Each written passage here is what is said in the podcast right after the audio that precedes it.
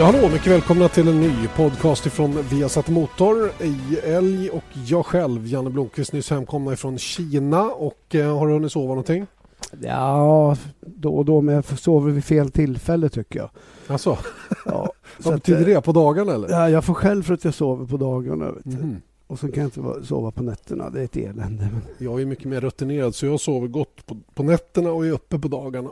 Ja, okej. Nej, men allmänt eh, frågan till jag mår, för jag mår inte något vidare bra. Jag är sliten och, och eh, jag vill bara konstatera att man blir inte direkt yngre och eh, de här långa resorna med ständiga tids, tidsförskjutelser eller tidsförändringar, de, de passar ungdomarna bättre tror jag.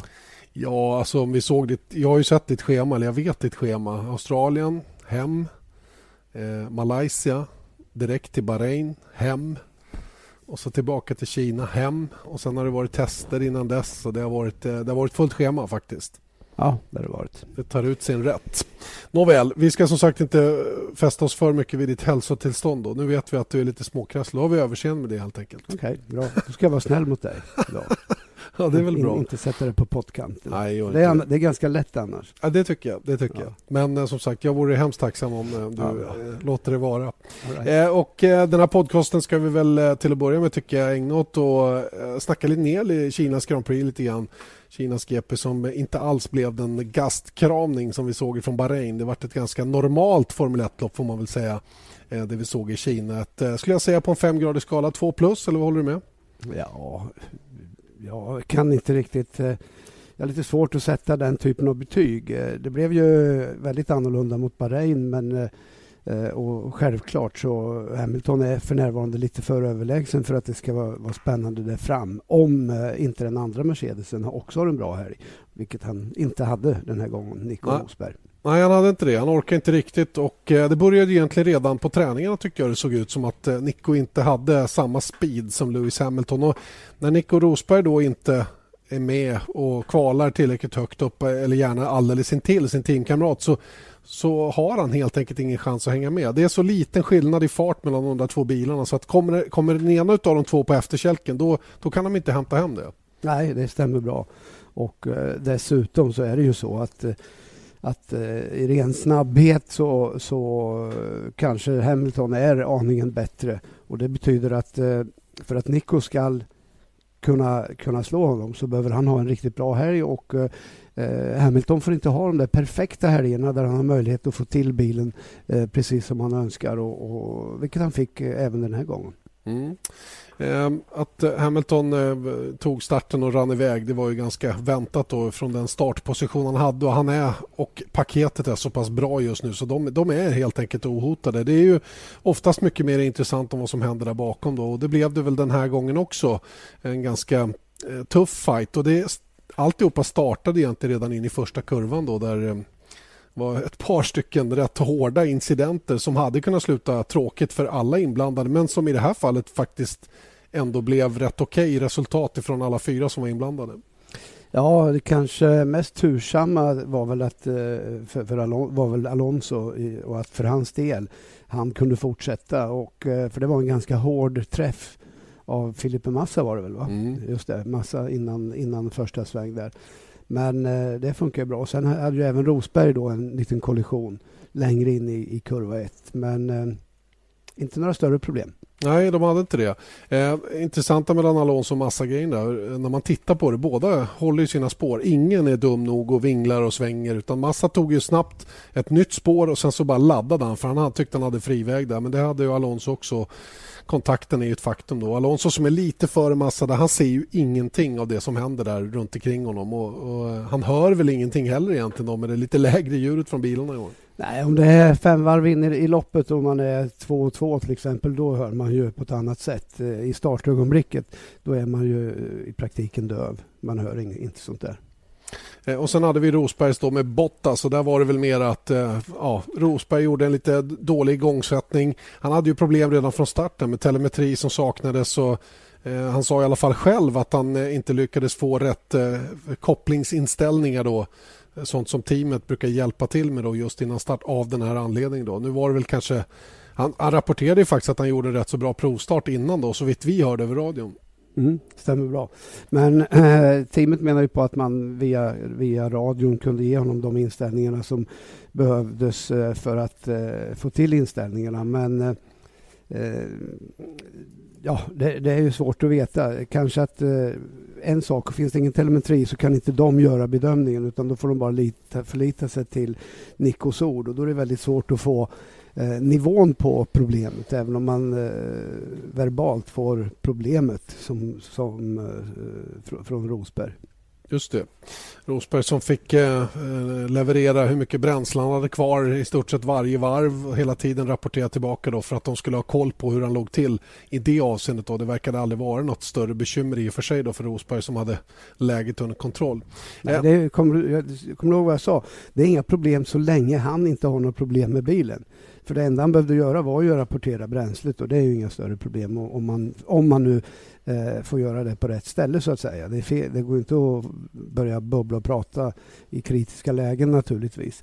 Men eh, så länge allting rullar på så, så eh, fungerar det ändå. Men samtidigt så vet man ju inte, hade det funnits telemetri så kanske teamet har kunnat lägga före i vissa vissa eh, lägen och eh, kanske hjälpt honom lite grann för att, eh, inte vet jag, spara däck eller vad som helst med hjälp av en, av en inställning som kanske Rosberg inte själv märker av men Nej. registrerar på datorerna.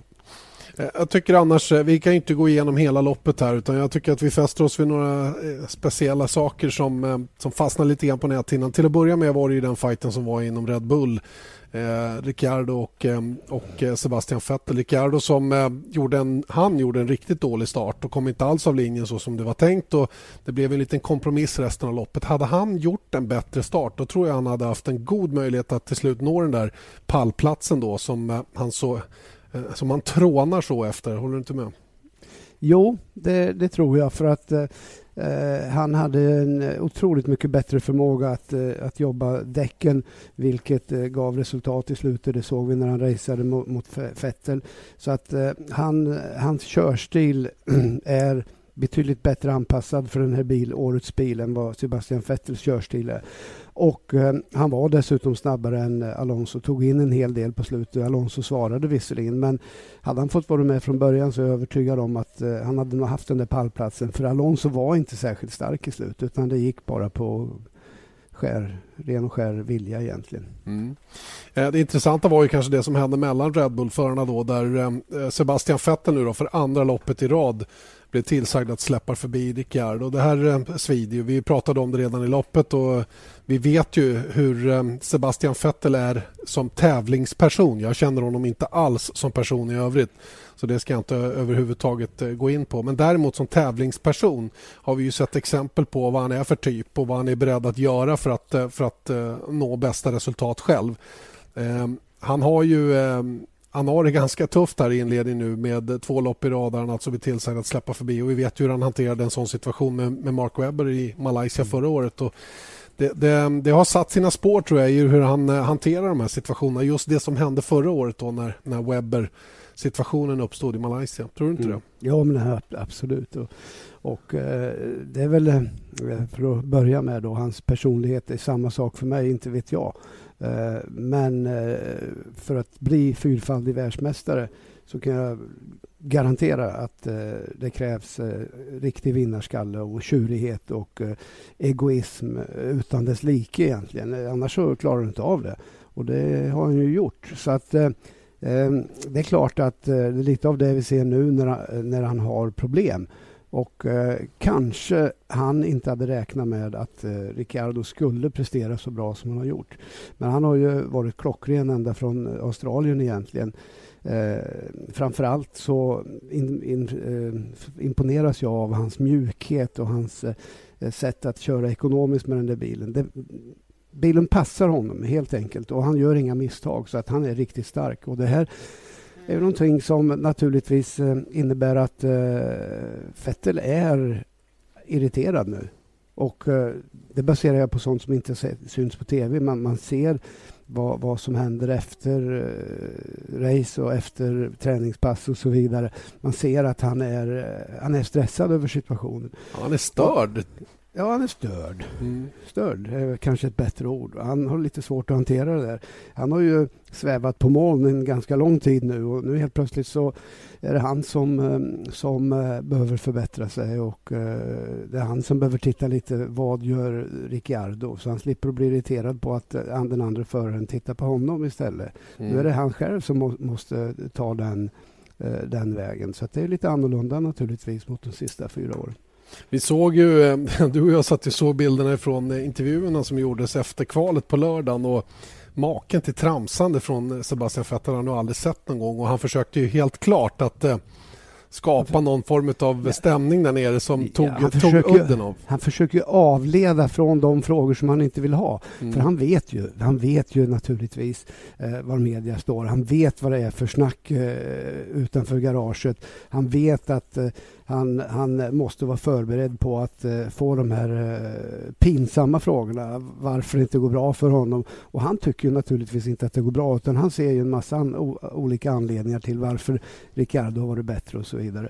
Så att eh, det där eh, brajandet som han höll på med där i, i mixzon, det är ju bara ett sätt att, avleda och eh, försöka visa att han är eh, avslappnad och så vidare. Men det är precis raka motsatsen. Jag tycker att han är ganska oskicklig på de här situationerna. För jag, jag menar, ta, vi kan jämföra med Fernando Alonso då, som har många gånger varit i den här situationen som Vettel är just nu eh, i mindre konkurrenskraftigt material får ofta svara på frågor om varför det inte går bättre än det gör. Och han, han ehm, han står där rakryggad och med tydlig blick mot den och talar länge och mycket och liksom... Hej, jag Ryan Reynolds. Recently, I asked Mint Mobiles legal team if big wireless companies are allowed to raise prices due to inflation. They said yes. And then when I asked if raising prices technically violates those onerous two-year contracts, they said, what the f*** are you talking about, you insane Hollywood ass?" So to recap, we're cutting the price of Mint Unlimited from $30 a month to just $15 a month. Give it a try at mintmobile.com slash switch. $45 up front for three months plus taxes and fees. Promoting for new customers for limited time. Unlimited more than 40 gigabytes per month. Slows. Full terms at mintmobile.com. Um, kör sitt ja. race så att säga. Han, han kontrollerar ju de, eh, de, där frågorna. Han svarar ju på ett sätt som innebär att han, han tar ju död på argumentet från frågeställaren och eh, ställer motfrågor och, och, så vidare. Så att han, han kontrollerar det ju på ett helt annat sätt och, och behöver inte oroa sig. Han är skicklig på det helt enkelt. Och det är inte Sebastian Vettel. Just nu så är han i farozonen för att om det fortsätter så här, ja, då kommer han att vara än mer pressad och det kommer att bli konstiga uttalanden framöver. Mm. Ja, det, är, det är dumt att tvivla på Sebastian Vettels fart, för den har han. Han är väldigt, väldigt snabb och skicklig på alla sätt och vis. Men just nu så, så verkar inte bilen vara till hans belåtenhet. Och som, som man beskrev det då efter loppet här nu senast så sliter han däck alldeles för mycket. Och då kommer vi in på en annan sak som jag tycker är rätt intressant som, som jag skrev om i bloggen häromdagen. Det här med inställningarna på bilen och, och hur små, små detaljer kan göra rätt stor skillnad mellan två förare som kör exakt likadana bilar. Hur hur man får saker och ting att fungera. Vi kan ju börja bakifrån i, i Caterham då, där vi vet att Kamui Kobayashi hade ett, ett betydligt bättre race än vad Marcus Eriksson hade till exempel då där han inte alls upplevde de problemen som Eriksson gjorde under, under loppet. Och kanske av den anledningen att då han, han och hans ingenjör är lite, lite mer erfarna då än vad Eriksson och, och hans dito är då. Och då är det lätt att gå vilse med setupen. Och vi har ju hört även Rosberg Hamilton pratar om hur lätt det är att gå vilse med setupen när det finns så många parametrar nu som man måste komma rätt med. så att säga. Vi såg eh, skillnaden i Ferrari mellan, eh, mellan Räikkönen och Alonso som också var gigantisk i det, i det senaste loppet. Eh, Button, en jätteerfaren förare, de fick inte alls till bilen i McLaren och hade jätteproblem med bil som inte hade något fäste fram. Man kan göra listan hur lång som helst. Mm, absolut. Och det där är någonting som naturligtvis är väldigt, väldigt svårt för uh, utomstående att kunna fatta uh, skillnaden. Uh, men låt mig, låt mig ta, ta ett exempel, så vi skulle börja bakifrån. Marcus hade en bil som slet, slet framdäcken betydligt, betydligt snabbare än vad Kamui Kobayashis gjorde. Och de grejerna, han hade inget grepp i fram svaret på varför Eh, till börja med, vi, vi, kan gå in på va, varför eh, senare. Va? Men, men, anledningen till det är, var egentligen att bilarna var totalt annorlunda inställda. Okej. Okay. när jag säger totalt annorlunda inställda Eh, vi kan gå in på det senare, var, var, precis eh, varför eh, man gick den vägen med Marcus bil till exempel, eller med Kobayashis bil. Det är helt enkelt att man hade en, eh, en annan krängningshämmare. Så liten skillnad var det alltså? Så liten skillnad. Mm. Och eh, nu har inte jag några siffror. Va? Men eh, den ena hade eh, aningen då mjukare krängningshämmare än, än den andra. Och då är det så här att den där krängningshämmaren tycker man då, det, det, är inte möjligt att den ska kunna göra den där skillnaden. Men det är precis det den kan.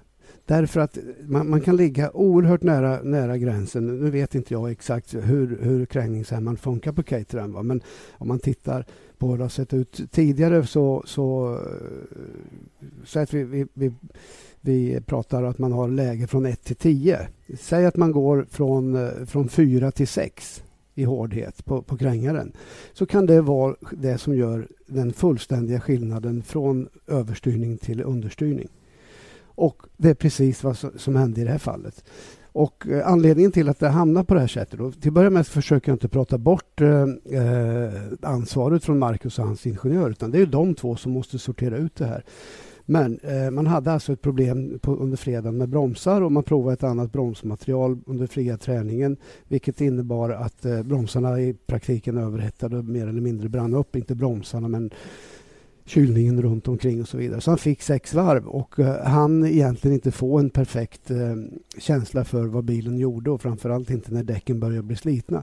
Utan man chansade lite grann. Marcus, hade, Marcus och hans ingenjör räknade med att det var bakdäcken som skulle ta slut. Uh, trots, trots alltså att den här banan är Eh, känd för att slita framdäck. Men det var de indikationerna de hade och de gjorde då de inställningarna som behövdes alltså ehm, eh, såg till att eh, få mer grepp i bak med enbart med, med krängaren. Och, och då är det kört. Det funkade inte i kvalet, men vad gör man? Du får inte ändra bilen. Så du har möjlighet att ändra framvingarna naturligtvis, men det var man redan fullt upp på, på den eh, under, under loppet i alla fall. Så, att, eh Eh, så liten kan skillnaden vara. Och eh, ja, det där är ju naturligtvis, man kan ju tycka då att eh, kanske lite klantigt att inte titta på historien när det gäller den där banan, att det är framdäcken som, som tar slut. Eh, men eh, det där är ett beslut som tas eh, efter, efter de varv man har gjort och det man har läst av. Men får inte heller glömma bort att det var en svår helg med tanke på att det var torrt, det var blött och det torkade upp igen. Så det var väldigt svårt, lite av en gissningslek och det kan, det kan också vara ett problem, eller varför vi såg problem hos, hos flera andra. Det var inte bara Caterham som hade det problemet, där en bil fungerar bättre än den andra.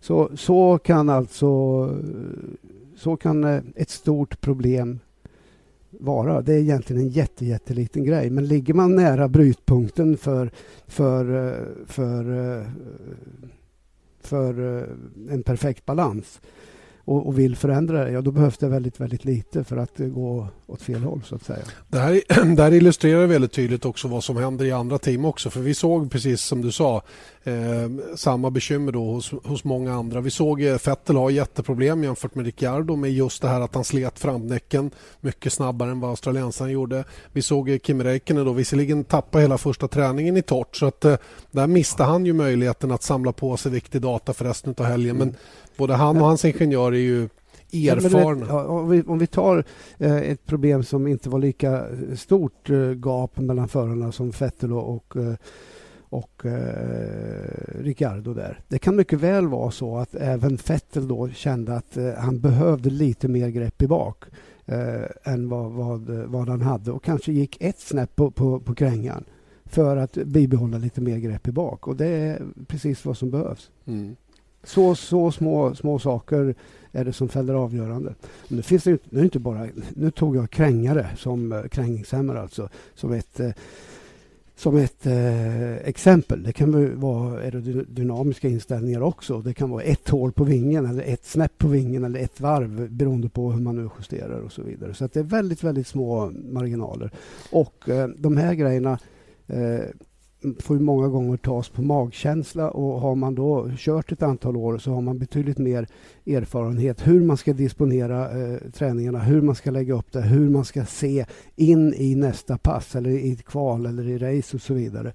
Och då är det inte så lätt. Så att jag menar fartmässigt idag, eh, över ett varv om man ska titta på det, så är ju Marcus lika snabb som Kobayashi. Och speciellt om man räknar in den extra vikt som man drar på så, så är han definitivt det. Va? Men det är inte det det handlar om, att vara snabb över ett varv. För då skulle vem som helst kunna bli, bli Formel 1-förare. Utan det handlar om att kunna att kunna leverera när svårigheterna sätter in. Och svårigheterna, de sätter alltid in. För du har bara en bra bil när däcken är nya. Och hur länge är de det? Ett varv. Och sen, det, sen går det bara neråt. Så att det handlar inte om att, att vara snabb när bilen är optimerad. Eh, utan snarare så, så handlar det om att eh, vara flexibel och kunna ändra, eh, ändra approach till eh, däckslitage och, och andra saker som försämrar greppnivån och därmed försämrar bilen. Och sen handlar det väl väldigt mycket om mig, rätta mig om jag har fel här, men det handlar ju också om att, att ta de här kritiska setup-besluten. För det var verkligen ett sånt läge i Kina då med precis som du beskrev det då, en torr fredag, en blöt lördag, en blöt lördag som man då måste tänka sig blir en torr söndag med allt vad det då innebär och ta med sig de här kompromisserna. Och naturligtvis så, så blir ju risken att gå fel blir ju mindre ju bättre, bättre bil man har rent generellt. Precis, precis vad jag tänkte säga. Eh, ju, ju, bättre bil du har eh, desto, desto mindre åtgärd måste du vidta vidta. Och eh, eh, desto enklare blir det dessutom att känna av det. Eh, men har du en bil som inte har något grepp överhuvudtaget, ja då är det väldigt svårt att pinpointa exakt var problemet ligger och, och så vidare. För den varierar från ett varv till ett annat. Men eh, jag menar för Hamilton så det här det handlar ju inte om att gissa någonting utan det är vad jag kallar eh, optimering, finjustering av smågrejerna. Och även om han skulle missa det så är, är förändringen så pass lite så att han skulle ha vunnit i alla fall. Mm. Och tar vi Red Bull då som faktiskt är lite grann på efterkälken nu av olika anledningar då, framförallt på motorsidan då, jämfört med Mercedes så, så tvingas ju de kanske chansa lite mer då med inställningarna än vad, än vad Mercedes behöver göra. Men vi såg ju skillnaden även hos Mercedes där Rosberg klagade på att han inte fick känslan i inbromsningarna till exempel på rätt sätt och det var ju det som gjorde att han till slut tappade tid gentemot sin teamkamrat och mm. framförallt under kvalen. Och det beror inte på att han har en sämre bil eller en bil som eh, är annorlunda utan de har ju samma grundmaterial. Men eh, det är avsevärd skillnad på hur man vill ha bilen, eh, vad man behöver för att bilen ska ge dig den känsla som gör att du vågar eh, flytta dig lite över, över eh, bekvämlighetsgränsen och eh, ta de där hundradelarna som blir tiondelar. Mm. Eh, bara för att alla ska förstå lite grann vad det är som händer. Varför till exempel Marcus är så långt efter som han var nu då senast. Det är ju inte för att han eh, helt plötsligt har blivit två sekunder långsammare utan det är ju som sagt en massa omständigheter runt omkring då som naturligtvis föraren och ingenjören är ytterst ansvariga för och det går aldrig att liksom prata bort. Men en liten, liten miss i det avseendet kan få väldigt, väldigt stora konsekvenser i loppet. Då. Och det är precis samma sak tror jag i Ferrari där Kimi Räikkönen nu anklagas för bristande motivation och allt vad det nu är för någonting, vilket jag tror är fullständigt, fullständigt absurd anklagelse. Men Janne, precis som du säger här, eh, här kommer kommer då media eller, eller fans eller vilka det är nu som, som då säger att, eh, eller experterna säger att ja, Kimi har ingen motivation, därav den stora skillnaden. Det är precis samma sak, fast i Marcus fall så kommer de inte att säga det, utan de säger bara att ja, han är för dålig, han är inte konkurrenskraftig. Så att det är så, men, jag menar, det, det, går alltså att eh, det går, det går inte att se det på det sättet utan man måste se det på ett, över ett längre perspektiv. Och, eh, man skulle mycket väl med, med siffror kunna visa att Marcus, eh, till att börja med så har han då ett handikapp som eh, innebär tre, att han är tre tiondelar långsammare än Kobayashi över ett varv mellan tummen och pekfingret. Eh, men och det innebär ju att som efter fredagsträningen, när han var en tiondel långsammare än Kobayashi, så, var han i, så körde han egentligen två tiondelar snabbare, eller två tiondelar bättre. Eller hur? Mm. Eh, I, I racet så var Kobayashi tre tiondelar snabbare än Marcus. Det betyder att bägge två fick förmodligen ett, ett ganska bra varv, eller så nära perfekt varv som, som möjligt. Och då har du den tidsskillnaden. I de två föregående racen, ja då Marcus var det den som haft snabbaste varvtid av de två. Det var det en, två, tre tiondelar som han har varit snabbare. Men det är inte det det handlar om, utan det handlar om att att eh, disponera racet och eh, kunna eh, vara flexibel och, och, ta fram bilen så snabbt som möjligt under dåliga omständigheter. Och det är det som, som Marcus naturligtvis måste jobba med. Men hur väl han än jobbar med det här så kommer han under år... Visserligen kan väl saker och ting komma att förändras men vi har sett nu var bilarna står. Var, var bilarnas, eh, ska vi säga, Eh, identitet har avslöjats. Självklart så blir det en del uppdateringar fram och tillbaks. Eh, vissa bilar kommer att uppdatera och, och fungera betydligt bättre. Vissa kommer att stå och hacka kvar. Men man kommer inte att göra några sådana jättestora förändringar. Och min bedömning är att Marcus och Caterham med det, den bilen som de har nu eh, om det inte kommer att ske stora, stora förändringar och, och, för det krävs stora, stora investeringar och det tvivlar jag på att de har. Då, då kan han, eh, kommer han aldrig att eh, teoretiskt sett ha mer än max tre bilar som han eh, kan rå på under säsongen. Mm. Och Det betyder att 19, förutsatt att ingen bryter, så är det en 19 plats. Ja. Och, och eh, de gångerna som han de gångerna som han har de tre bilarna bakom sig, ja, då har han gjort ett oerhört bra jobb. Det är så man måste bedöma det. Eh, jag citerar gärna vad Erik Bollier säger här eh, till Autosport idag angående Kevin Magnussen. Han, han säger så här. Obviously he's a, young, he's a young rookie driver and it reminds me in my experience from Renault and Lotus of Romain Grosjean and Vitaly Petrov. they went through the same process. It's part of the learning curve. Unfortunately, they are inexperienced and need to be able to understand the car. It's not helped by the fact that he has a car that is not so easy to drive today. Säger man alltså Kevin Magnussen som kör klasser bättre bil än vad Marcus Eriksson gör. Och Det där går att applicera direkt på det som händer bak i Caterham också. Det är precis så det här funkar och eh, den som eh, tror någonting annat får nog fundera om lite grann faktiskt. För att eh, att eh, det är helt enkelt, eh, det måste finnas utrymme för den här lär, inlärningen så att säga då, som som, eh, som man inte får längre innan man börjar tävla utan det här måste man göra under pågående säsong och det är ju naturligtvis en oerhört tuff situation. Visst är det det och, och tyvärr så är det ju så att när Magnusson gör ett dåligt jobb i, i, sin McLaren, ja då blir han trettonde. När Marcus gör ett dåligt jobb i sin Caterham, då blir han tjugonde. Mm. Så är det. Det är den stora skillnaden. och Då måste man ju ändå lyfta fram en kille, då, den tredje rocken den här säsongen, nämligen Daniel Kviat som jag tycker gör ett enastående bra jobb med sin ringerfarenhet. För han har ju visserligen kört lite rookie-tester redan förra året men det har varit oerhört begränsat även för honom. Även, av, även om han kanske har flest kilometer, i alla fall om man jämför med Marcus Eriksson. Men jag tror att han har några kilometer mer än vad Kevin Magnussen har också. Så, så eh, har han ju ändå lyckats nå bilens potential mycket mer än vad både Magnusson och Eriksson har gjort så här långt. Absolut. Eh, Toro Rosso är till att börja med en, en av eh, de stora överraskningarna bilmässigt i år. Väldigt bra bil och dessutom så ser den ut, ut att eh, passa, eh, passa Kviat grymt bra. Så han, han levererar verkligen och eh, dessutom saker och ting har gått hans väg. Så att, eh, han imponerar, det är ingen snack om den saken. Red Bull eller teamet har har eh, förberett honom väldigt väl på det här och han, han, eh, han är bekväm i situationen. Bilen passar och eh, de har framförallt fart i bilen. Så att, det är trevligt att se. Mm, det är roligt. Med så unga killar. Verkligen. Det som är roligt när du säger det, det är ju faktiskt att Romain Grosjean nu anser att Lotus är det näst bästa Renault-teamet för närvarande.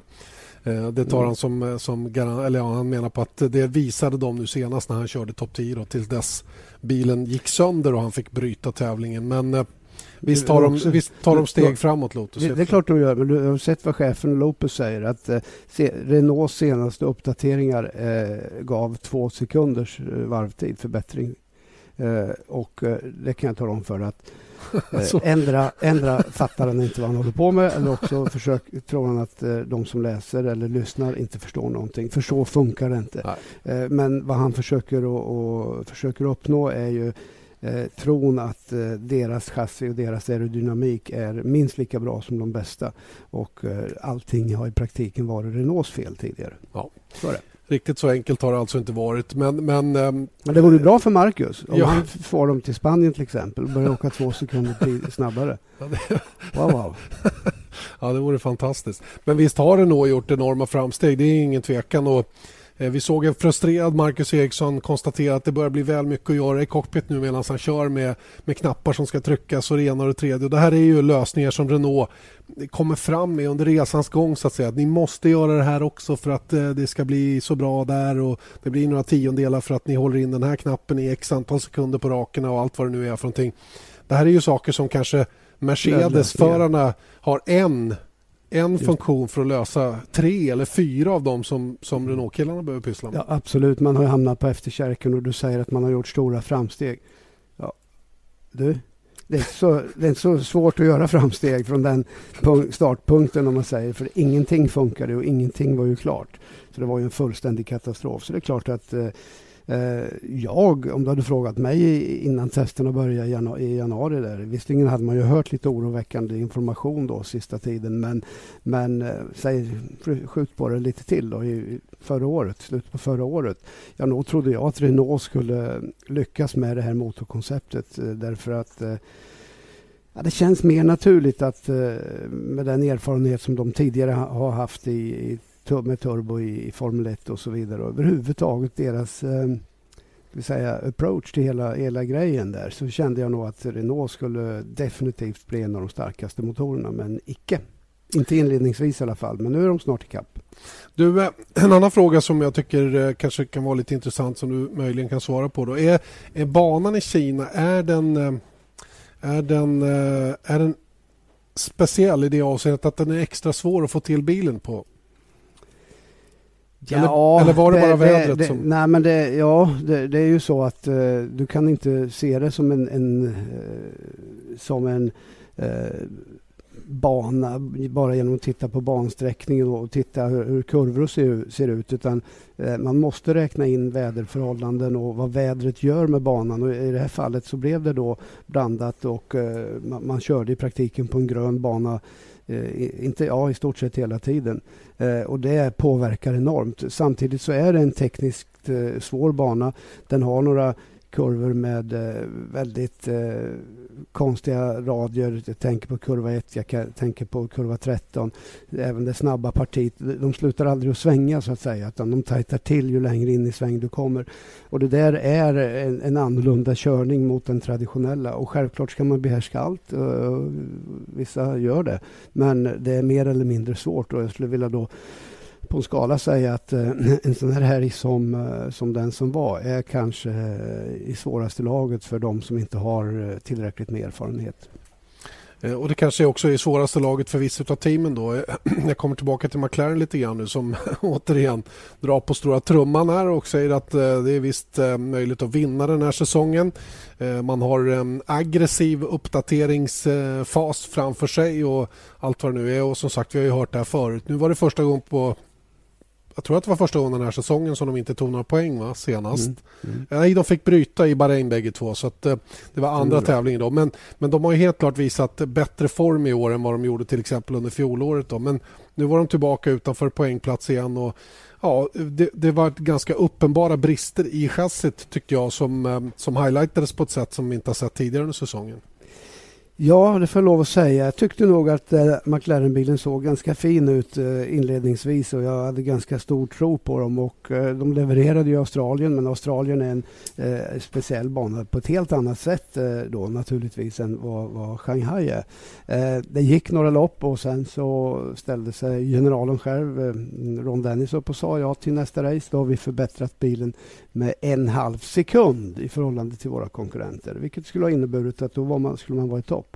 Eh, jag vet inte vad han hade för tidsperspektiv på det där, men om det är samma tidsperspektiv på på, som att få fram en, en titelsponsor, ja då lär det dröja med den där halvsekunden. För att eh, de har fortfarande ingen titelsponsor och det skulle också ha kommit till Kina. Mm. Och det förklarar dessutom då varför man, eh, man eh, försöker informera världen om att ja, det här är bara en svacka. Vi vet vad vi håller på med och vi är mycket bättre. Eh, naturligtvis eh, så är det lite politik och business i det här. Vad tror du det är som gör att det dröjer innan de kan få fram en titelsponsor? De borde ju vara rätt attraktiva. Det är framförallt en, ett solitt företag rent ekonomiskt. Det har ju åtminstone mm. varit ja, genom åren ett jag, av de rikare jag, jag, jag, ska inte säga, eh, säga emot där, Janne. Verkligen inte. Och jag ska inte heller påstå att jag vet, men jag skulle mycket väl kunna tänka mig jag har ju till att börja med så känner jag Ron Dennis från den tiden långt innan McLaren eh, när det var Formel 3 och Formel 2 eh, på en personlig nivå. Så att, eh, och jag har naturligtvis följt hans framfart och varit mycket, mycket imponerad av vad han har gjort. Skicklig på, på alla sätt och vis. Eh, man har dessutom varit eh, kanske bäst av alla på att attrahera eh, globala stora sponsorer med, med, på långtidskontrakt, långtidsavtal. Och man har förmodligen betalt tillbaks bättre än de allra flesta teamen i form av, av exponering och support, sponsorsupport. Så att, det är nog inget, inget snack om den saken. Men och det här är viktigt. Det är inte många team som har li tagit lika bra betalt som McLaren heller. Och det, jag tror det är där eh, knuten sitter. Att man har kört eh, huvudet i sanden lite grann och, och sagt att en titelsponsor till McLaren ska betala 75 eh, miljoner eh, euro per år i fem år. Mm. Eh, och eh, för, för så har det alltid varit. Men nu är det så att det är lite kärvare tider rent ekonomiskt och då, då tror jag att man måste vara lite flexibel från bägge sidor och det kanske, kanske alltså är där eh, problemet sitter. Jag tänker också att det kan ha med Hondas intåg att göra. Att de vill ha någon bra partner eh, på bilen. Eh, kanske något japanskt elektronikmärke eller någonting i den stilen. Va, va, kan det finnas någon, någon... Nej, jag vet inte jag vet inte eh, riktigt. Eh, det, självklart, det skulle naturligtvis kunna vara det. Personligen så tror jag inte det. Men eh, påminn mig om jag hade fel när det visar sig. jag lovar! jag tror snarare att i, i fallet när man går med Mercedes så går man så har man fullt förtroende för att teamet har den ekonomi och den budget som, som krävs för att utveckla eh, ekipaget som sådant att bli konkurrenskraftigt. Och eh, det är inte Hondas problem att, eh, att eh, bekymra sig om vad det står på bilen eller vilken sponsor som ja, men det är, inte, det är inte riktigt så jag menar. Jag tänker bara med att Honda kanske vill och att de är med i den här diskussionen och med tanke på att de själva går in med en ganska avsevärd ekonomisk stöttning då från och med nästa säsong. Ja, ja, kanske. Jag, eh, jag tror, jag tror eh, kanske mindre på det än vad du gör därför att eh, beslutet har tagits för, för så länge sedan att man skulle gå in. Och att då ta, giv, ta för givet att, att det ska finnas en sponsor med, det tror inte jag. Utan jag tror att man måste gå in med det där och vetskapen om att kommer det inte in någon sponsor, ja då kommer det att kosta så här och så här mycket. Så att, ja, jag, jag, eh, jag låter det vara osagt. Vi låter tiden utvisa. Du och jag kommer inte att sponsra i alla fall. Nej, inte jag, men du kan göra det. Du tjänar så bra och jobbar dygnet runt och du som är så skicklig på allt. Men jag tycker och... min, min logga skulle vara snygg där på sidan faktiskt. Det tycker jag. Vad skulle det stå då? Nej, inte vet jag. Nej. Blomqvist uh, for president. Happy Family Blomqvist. Ja, typ så. Lagga. Jag ska byta ämne helt nu. Jag, jag, tror att vi har fått förklaringen till varför målflaggen kom ut ett varv för tidigt senast. Ehm, ja, det var ju Kina. Ja, eh, och i Kina så är ju eh, engelska språket inte speciellt vedertaget. Vi hade gigantiska problem bara att beställa in middag på kvällarna. Så att, eh, jag kan förstå vad det var som hände lite grann. tydligen så var det så här att Charlie Whiting sa till den kinesiske tävlingsledaren där No flag for penultimate lap. Eh, typ som Nascar där man hänger ut den vita flaggan då när det, näst sist, eller när det sista varvet börjar. Eh, och så mm. försökte den här mannen då eh, som var den kinesiske tävlingsledaren skicka det här vidare då till killen som skulle skicka ut flaggan. Mm. Och han sa, då sa han till den här killen No flag for penultimate lap. Varvid flaggmannen svarade Flag now. Och svaret blev då No flag now. Och det blev fel och han hängde ut flaggan. Okay. Så kan det gå. Ja. Och det, eftersom du vet allt, då ska jag ställa en, en fråga till dig. Varför glömde Pelé att flagga av då, när han var, var målflagg? I, i... Ja, men det är för att han räknar dåligt bara. Jaha, okej. Okay. Han hade inte koll. Nej, han, man har inte så, det är inte så noga i Brasilien. Nej, man flaggar inte av fotbollsmatcher. Så att, Nej, just det. Jag, kanske... du, jag, jag, visste att du hade svaret. Så kan det vara. Det var i alla fall det som gjorde att vi fick ett lopp som bara bestod av 54 varv. Man kan ju tycka att det borde ha varit 55 varv då, i och med att det var då man hängde ut flaggan. Men så funkar det inte riktigt. Den här felaktiga vinkningen av målflaggen gör ju att man måste backa ytterligare ett varv. Och Det var därför resultatet räknades från när, sista, när första bil passerade start och mållinjen eh, sista gången innan flaggan hängdes ut. Och efter det 54 varv? Efter 54 varv. Så det var därför till exempel Kamui Kobayashis omkörning av Jules Bianchi på sista varvet som var i och för sig imponerande och häftig på alla sätt och vis inte räknades. Och, eh, jag träffade japanen efter loppet och han bara skrattade åt hela situationen. Han, han, för, jag menar, där bak i kön så spelar det ju mindre roll naturligtvis. Så det var ju tur att inte den här incidenten faktiskt fick större påverkan än vad den fick. ja. Ja, lite kul tycker jag. Ja, verkligen. Så kan det vara. Hörrni, vi äh, ska ta och äh, runda av den här podden alldeles strax. Jag tänkte vi ska påminna lite saker. Va, vad vet du om V8 Supercar så här långt? Har du hunnit följa det någonting? Det går ju på ja, okristliga tider. Mycket. Ja, eh, vi, hade ju, vi hade ju lyxen av att träffa Robban eh, Robert Dahlgren, Dahlgren mm. i, i, Australien och eh, eftersom han är med och att Volvo är med så tittar man ju naturligtvis lite mer på det där. Och jag har konstaterat att eh, Robban har det lite, lite kämpigt där men hans eh, teamkamrat däremot eh, inledde ju ganska starkt till att börja med. Eh, nu vet jag inte hur det har gått de senaste veckorna här men, men eh, det är kul tycker jag att ha svenskt eh, intresse där. Och den här helgen kör man på Nya Zeeland så det blir vackert att gå upp eh, tidigt, tidigt om ni ska se loppen live. Vi sänder dem naturligtvis i efterhand också under förmiddagarna så att det finns möjligheter om man nu skulle försova sig att se de här loppen. Det är ingen idé att jag går in på några tablåer här för ni kommer ändå glömma bort vad jag säger. Så det är bättre att ni går in på antingen vår Facebook-sida facebook.com Viasat Motorsverige och går in på tablån så hittar ni alla tider som gäller kring V8 Supercar den här helgen. Men jag, jag, säger att de kör i alla fall så att ni vet att det är dags att eh, börja ställa om dygnet lite grann för om ni gillar det. Vet, vet du var de kör? Eh, på Nya Zeeland vet jag, så långt är jag med. Men eh, exakt vad de kör det kan jag i och för sig ta reda på eh, om en liten stund. Om du bara ger, ger det en, Nej, en liten så. sekund till i alla fall. Under tiden medan jag letar jag, efter det så jag kan jag, jag också på... nämna att eh, det inte bara är V8 Supercar den här helgen. Eh, vi kör ju även MotoGP från Argentina så det innebär att om man ska hinna med allting här så får man verkligen eh, låta bli att sova. Så enkelt är det. Det är eh, kvällar som gäller för MotoGP den här eh, helgen. Eh, fredag, lördag och söndag kväll då naturligtvis. Och eh, det där eh, kan nog vara nog så tufft för den som vill följa med på allting. V8 Supercar kör på Oakland, det är det enda jag vet. Det heter ITM 500. Auckland. Auckland. Okej. Okay. Mm. Auckland, där hade de en bana som heter Pukukawi. Just det, du har ju kört där borta. Där har jag kört två gånger. Just Men just uh, den här banan som du pratar om nu. Uh, Jo, nej, det är på Kukawi. Mm. Jag tittar själv på kalendern. På ja, Kukawi. Ja, visst är det det. Ja, vad kul. tror jag, Gud, kan man köra sådana fina bilar där? Den banan var ju gammalmodig när jag var där i slutet ja. på 70-talet. Men vi får väl hoppas att den är uppdaterad då, så du var där och rasslade på 70-talet. jag, tror, jag tror faktiskt att det var en gammal travbana från början. För det var nästan som en stallbacke och hela den där biten såg ut som eh, Stora Valla. Mm. Kul! Nej, inte Stora Valla, Solvalla. Stora Valla är Degerfors. Känner du till Stora Valla? Jo, jag vet att Stora Valla finns och jag vet att det ligger i Degerfors också. Eh, Argentina är i alla fall eh, MotoGP på den här helgen. Eh, eller i Argentina, Autodromo Termas de Rio Hondo. Känner du till den?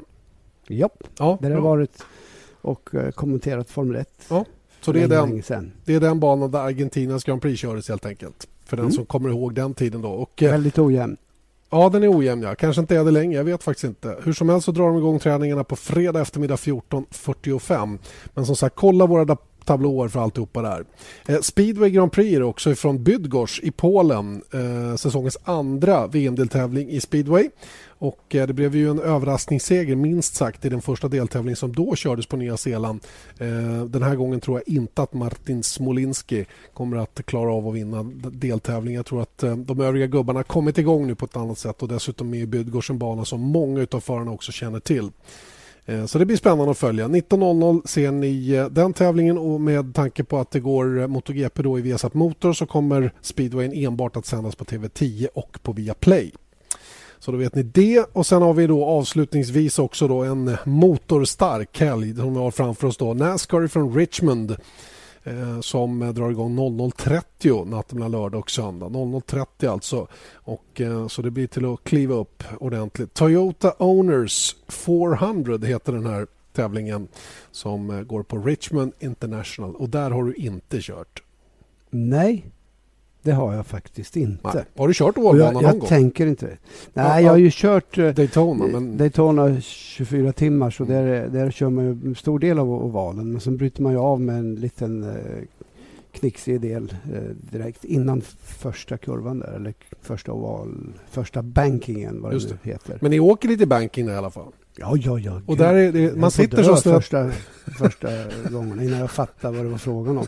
Man fick, jag nästan bröt ju nacken för man var tvungen att titta uppåt för Just att det. se. Just det. Inte titta neråt åt sidan utan fick titta uppåt för att inte bara titta i, rakt in i asfalten 20 meter framför. Utan man var tvungen att... Ja, det var ju helt... eh, Men det, man blir ju van det efter tio varv så, så att säga. Men, men eh, det var väldigt, väldigt annorlunda. Eh, En Kom sak- trea.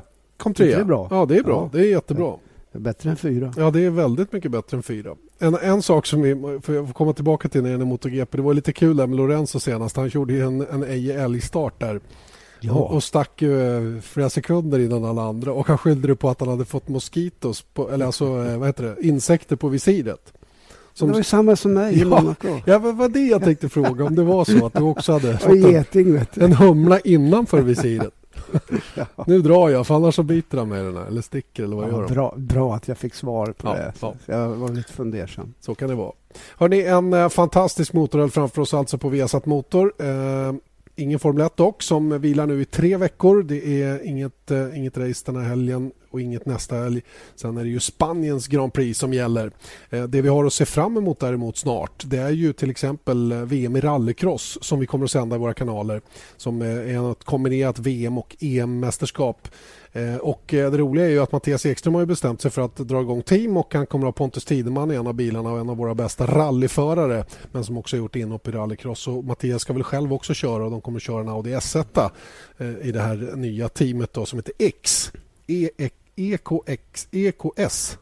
Jag vet inte hur man ska uttala det där men det blir nog Det är säkert bra. samma som står på bakrutan på hans... Eh, Ja, står det det? Ja. Står det EX eller Eki? Han brukar kallas Eki där nere.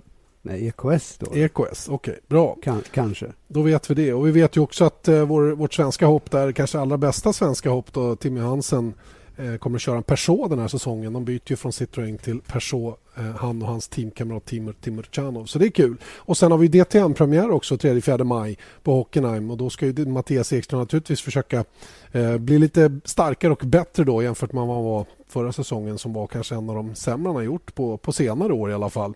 Jag hade inte Mm, riktigt Där har man lite annat däckreglemente nu i år. Ja det har man. Man eh, Som bestämt sig jag, för så. undrar om, jag undrar verkligen om det kommer att gynna Mattias eller ej. För Nej, inte som det som såg var ut. problemet. Inte som det såg ut förra året i alla fall. Nej. Det lovar vi att komma tillbaka till i kommande podcasts. Det kan jag garantera. Nu säger vi tack och hej för den här gången och ber att få återkomma om en vecka igen. Tack så länge säger nu Janne Blomqvist och Eje Elfsson.